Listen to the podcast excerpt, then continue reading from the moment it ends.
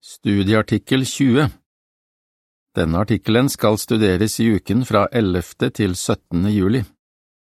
Åpenbaringen og Guds fiender Temavers De samlet dem til det stedet som på hebraisk kalles Harmageddon. Åpenbaringen 1616 Sang 150 Søk Gud, så vil han utfri deg. Introduksjon Åpenbaringen bruker symbolsk språk for å beskrive Guds fiender. Daniels bok hjelper oss til å forstå hva symbolene står for. I denne artikkelen skal vi sammenligne noen av profetiene i Daniel med lignende profetier i åpenbaringen. Det vil hjelpe oss til å forstå hvem Guds fiender er. Vi skal også se på hvordan det vil gå med dem. Avsnitt 1 Spørsmål Hvordan blir Guds folk berørt av det som står i åpenbaringen? Åpenbaringen forteller at Guds himmelske rike er opprettet, og at Satan har blitt kastet ut av himmelen. Det har gjort det fredelig i himmelen, men det skaper problemer for oss. Hvorfor? Fordi Satan retter sitt raseri mot dem som tjener Jehova her på jorden. Avsnitt to Spørsmål Hva vil hjelpe oss til å fortsette å være trofaste? Hvordan kan vi fortsette å være trofaste selv om Satan angriper oss? En ting som hjelper oss, er å vite hva som skal skje i framtiden. I åpenbaringen beskriver Johannes noen av de velsignelsene vi snart kommer til å få oppleve. En av de velsignelsene er at Guds fiender skal bli borte.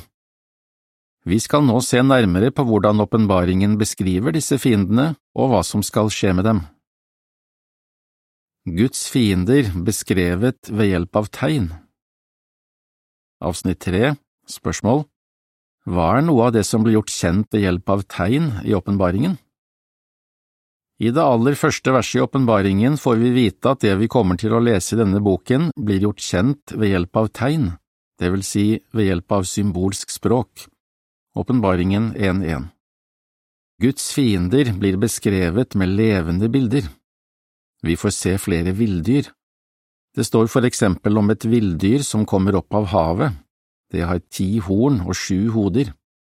Åpenbaringen 13.1 Etter dette ser vi et annet villdyr som steg opp av jorden.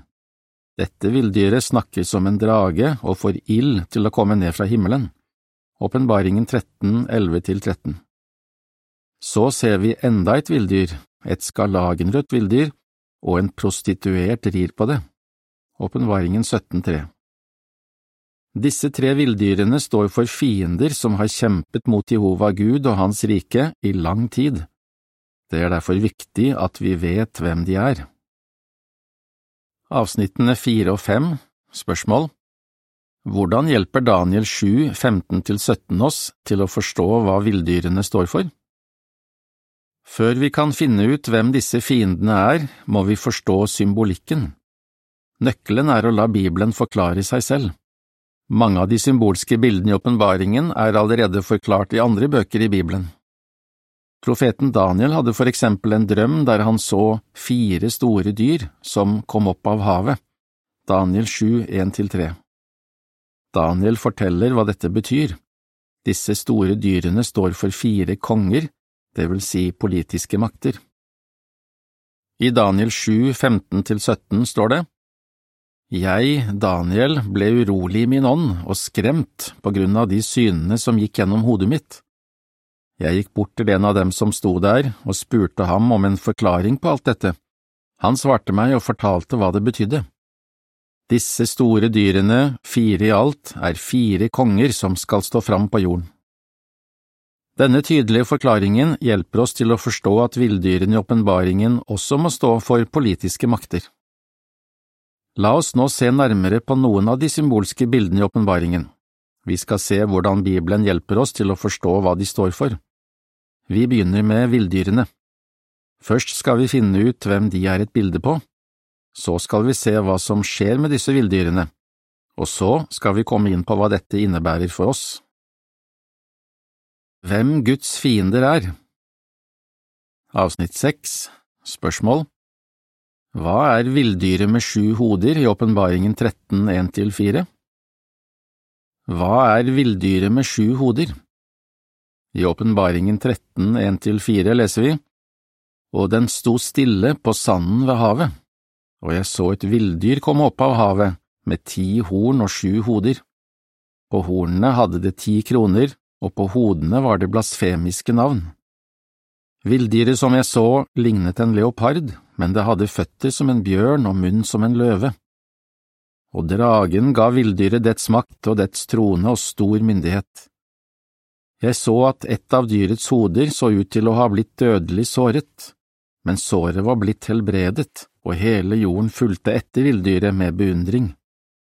Og folk tilba dragen fordi den hadde gitt myndigheten til villdyret, og de tilba villdyret med ordene Hvem er lik villdyret, og hvem kan kjempe mot det? Vi legger merke til at dette villdyret ligner en leopard, men har føtter som en bjørn og munn som en løve, og at det har ti horn. Alle disse trekkene finner vi også igjen hos de fire dyrene som er nevnt i Daniel kapittel sju, men her i åpenbaringen finner vi disse trekkene hos ett villdyr, ikke hos fire forskjellige. Dette villdyret står ikke bare for én politisk makt eller ett verdensrike. Vi leser at villdyra har myndighet over hver stamme og hvert folk og hver språkgruppe og hver nasjon. Åpenbaringen 13.7 Det må derfor være noe som er større enn én enkelt politisk makt. Villdyret må stå for alle de politiske maktene som har hersket over menneskene opp gjennom historien. Fotnote noe annet som tyder på at villdyret med sju hoder står for alle de politiske maktene, er at det har ti horn. I Bibelen blir tallet ti ofte brukt som et symbol på at noe er fullstendig. Avsnitt sju Spørsmål Hva står hvert av de sju hodene på villdyret for? Hva står hvert av de sju hodene for? Vi får en ledetråd i åpenbaringen kapittel 17, som beskriver et bilde av det villdyret som er nevnt i åpenbaringen kapittel 13. I åpenbaringen 17.10 leser vi, Det er sju konger, fem har falt, én er nå, og én har ennå ikke kommet, men når han kommer, skal han bli værende en kort tid. Av alle de politiske maktene Satan har brukt, blir sju sammenlignet med hoder fordi de har vært spesielt mektige. Dette er de verdensrikene som har påvirket Guds folk direkte. På Johannes tid hadde fem av disse allerede kommet og gått – Egypt, Asyria, Babylon, Medo-Persia og Hellas. Det sjette verdensriket, Romerriket, hadde fortsatt makten da Johannes fikk åpenbaringen. Hvilken politisk makt ville vise seg å være det sjuende hodet, eller det siste verdensriket? Avsnitt åtte Spørsmål Hvilken politisk makt står det sjuende hodet på villdyret for? Som vi skal se, hjelper profetiene i Daniels bok oss til å forstå hva det sjuende og siste hodet på villdyret står for. Hvilket verdensrike har hatt makten nå i endens tid, på Herrens dag? Åpenbaringen 1.10 Det består av to mektige nasjoner som samarbeider, nemlig Storbritannia og USA, med andre ord den britisk-amerikanske verdensmakt. Vi kan derfor trekke den slutningen at dette er det sjuende hodet på det villdyret som er nevnt i Åpenbaringen 13, 1–4. Avsnitt 9 Spørsmål Hva står villdyret med to horn som et lam for? Åpenbaringen kapittel 13 forteller videre at dette sjuende hodet, den britisk-amerikanske verdensmakt, også oppfører seg som et villdyr som har to horn som et lam, men snakker som en drage. Åpenbaringen kapitlene 16 og 19 omtaler dette villdyret som den falske profeten, Åpenbaringen 1613 og 1920. Dette villdyret gjør store tegn, det får til og med ild til å komme ned fra himmelen til jorden framfor øynene på menneskene. Åpenbaringen 13, 11–15 Daniel nevner noe lignende, nemlig at den britiske-amerikanske verdensmakt skulle ødelegge på en forferdelig måte. Daniel 8, 23 og 24, fotnote Det var akkurat det som skjedde under den andre verdenskrig. De to atombombene som hadde en avgjørende rolle når det gjaldt å gjøre slutt på denne krigen i Stillehavsområdet, var et resultat av samarbeid mellom britiske og amerikanske forskere. Den britiske-amerikanske verdensmakt fikk på denne måten ild til å komme ned fra himmelen til jorden. Avsnitt 10 Spørsmål Hva står villdyrets bilde for? Så får vi se enda et villdyr. Det ligner veldig på villdyret med sju hoder, men er skarlagenrødt. Det blir omtalt som villdyrets bilde og som en åttende konge. Fotnote Til forskjell fra det første villdyret har villdyrets bilde ikke kroner på hornene sine. Det er fordi det utspringer fra de sju andre kongene, og det er dem det får sin myndighet fra. Avsnittet fortsetter. I Åpenbaringen 13, 14 og 15 står det, Det villeder dem som bor på jorden med de tegnene det fikk lov til å gjøre for villdyrets øyne, og det sier til dem som bor på jorden at de skal lage et bilde av det villdyret som ble såret med sverd og likevel livne til igjen. Og det fikk lov til å gi pust til villdyrets bilde, så villdyrets bilde både kunne snakke og få drept alle som ikke vil tilby villdyrets bilde. Og åpenbaringen 17.3 sier, Han førte meg ut i en ødemark ved hjelp av åndens kraft, og jeg så en kvinne som satt på et skarlagenrødt villdyr som var fullt av blasfemiske navn og hadde sju hoder og ti horn. Og i vers åtte leser vi, Villdyret som du så, det var, men er ikke, og skal likevel snart stige opp av avgrunnen, og det skal bli tilintetgjort. Og innbyggerne på jorden, de som ikke har fått navnet sitt skrevet opp i livets bokrull fra verden ble grunnlagt, skal bli forundret når de ser at villdyret var, men ikke er, og likevel kommer til å stå fram igjen.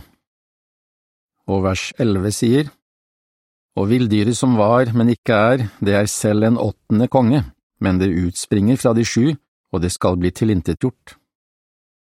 Det står at denne kongen blir til, så slutter å eksistere og senere står fram igjen. Denne beskrivelsen passer veldig bra på FN, som handler på vegne av det verdensomfattende politiske systemet. Denne organisasjonen eksisterte først som Folkeforbundet, så forsvant den under den andre verdenskrig. Senere sto den fram igjen som FN.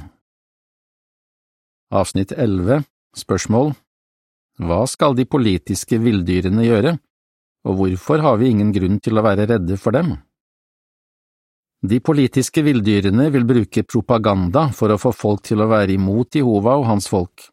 Symbolsk sett skal de samle kongene på hele den bebodde jord til Harmageddon-krigen og Guds den allmektige store dag. Åpenbaringen 16, 14 og 16 Men vi har ingenting å frykte. Vår store Gud Jehova vil reagere raskt og redde alle dem som støtter hans styre. Avsnitt 12 Spørsmål Hva kommer til å skje med alle villdyrene? Hva kommer til å skje med alle villdyrene?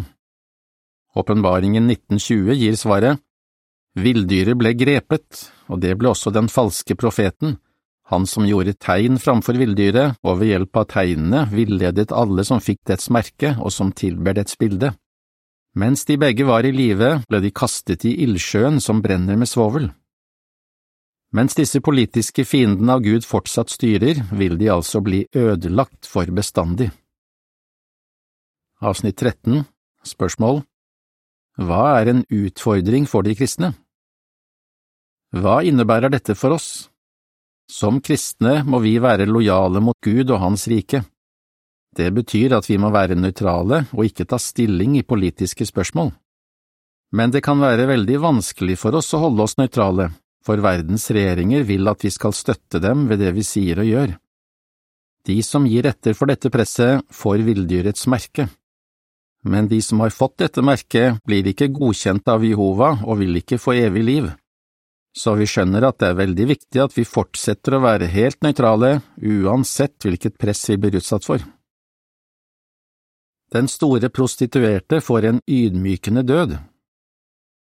Avsnitt 14 Spørsmål hva blir Johannes forundret over å se?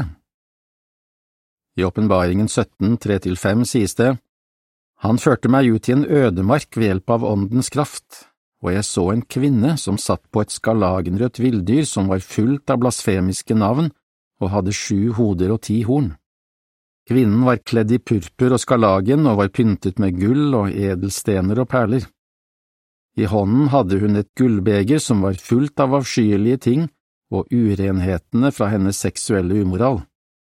På pannen hennes var det skrevet et navn, en hemmelighet, Babylon den store, mor til de prostituerte og til de avskyelige tingene på jorden. Johannes sier at han ble svært forundret over noe annet han så. Hva var det? En kvinne som rir på et av disse grusomme villdyrene. Hun er den store prostituerte og blir kalt Babylon den store. Hun begår seksuell umoral med jordens konger.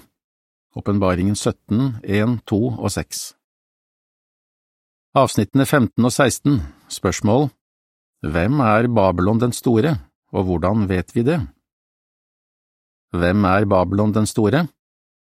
Denne kvinnen kan ikke stå for en politisk organisasjon, for det sies at hun begår umoral med verdens politiske ledere. Og det at hun rir på villdyret, viser at hun prøver å bestemme over de politiske lederne. Hun kan heller ikke stå for de grådige, kommersielle delene av Satans verden. De blir omtalt i andre vers og kalles jordens kjøpmenn.